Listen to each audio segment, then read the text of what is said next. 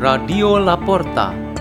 The door is open for you for the growing of knowledge and wisdom of God. by Suzanne Marie Gerodias from the parish of St. John Bosco, Danau Sunter, Jakarta.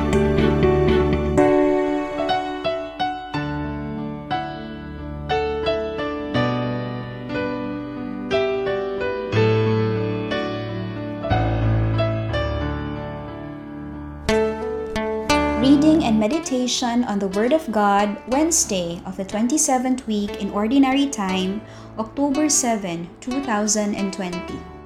Memorial of the Blessed Virgin Mary, Queen of the Rosary.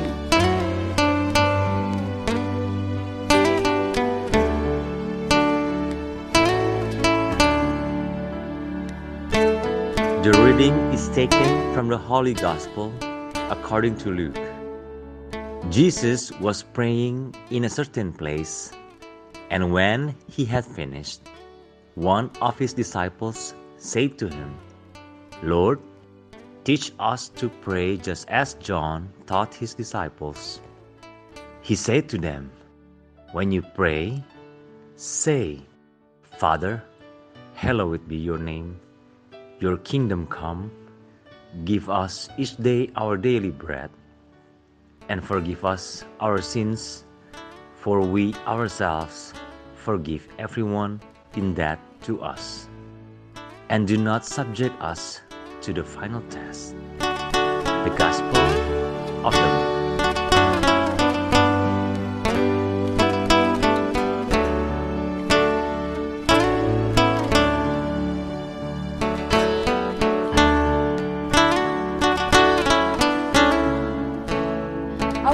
Today has the theme Success Plus. Today, we as members of the Church celebrate the Blessed Virgin Mary, Queen of the Rosary. This devotion to Our Lady, Queen of the Rosary, which is so popular and strongly observed by the Catholics, is the fruit of the Church's long journey in the effort to defend her faith and fighting enemies who intend to destroy her.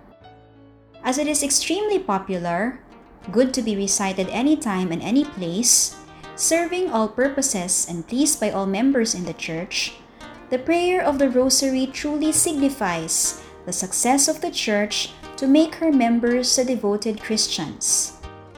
People who have devotion mean they have love, affection, and closeness with certain subjects to which they respect and belong to.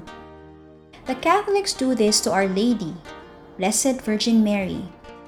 There are so many testimonies of the Catholics and even the non Catholics that confirm how Our Lady has helped them to achieve success, profit, and belief. The Blessed Mother is the most important example to describe a success plus in life. This means that she was so grateful with the gifts from God. She lived with fullness of grace and she carried out her duties perfectly.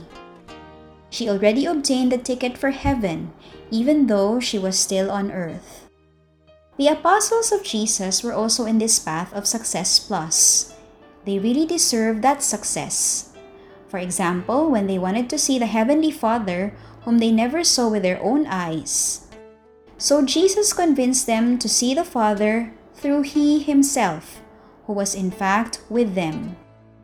The sign that reminded them on the real presence of the Father was when they were instructed to pray the Our Father, a prayer of Jesus Himself which we use in all our lives.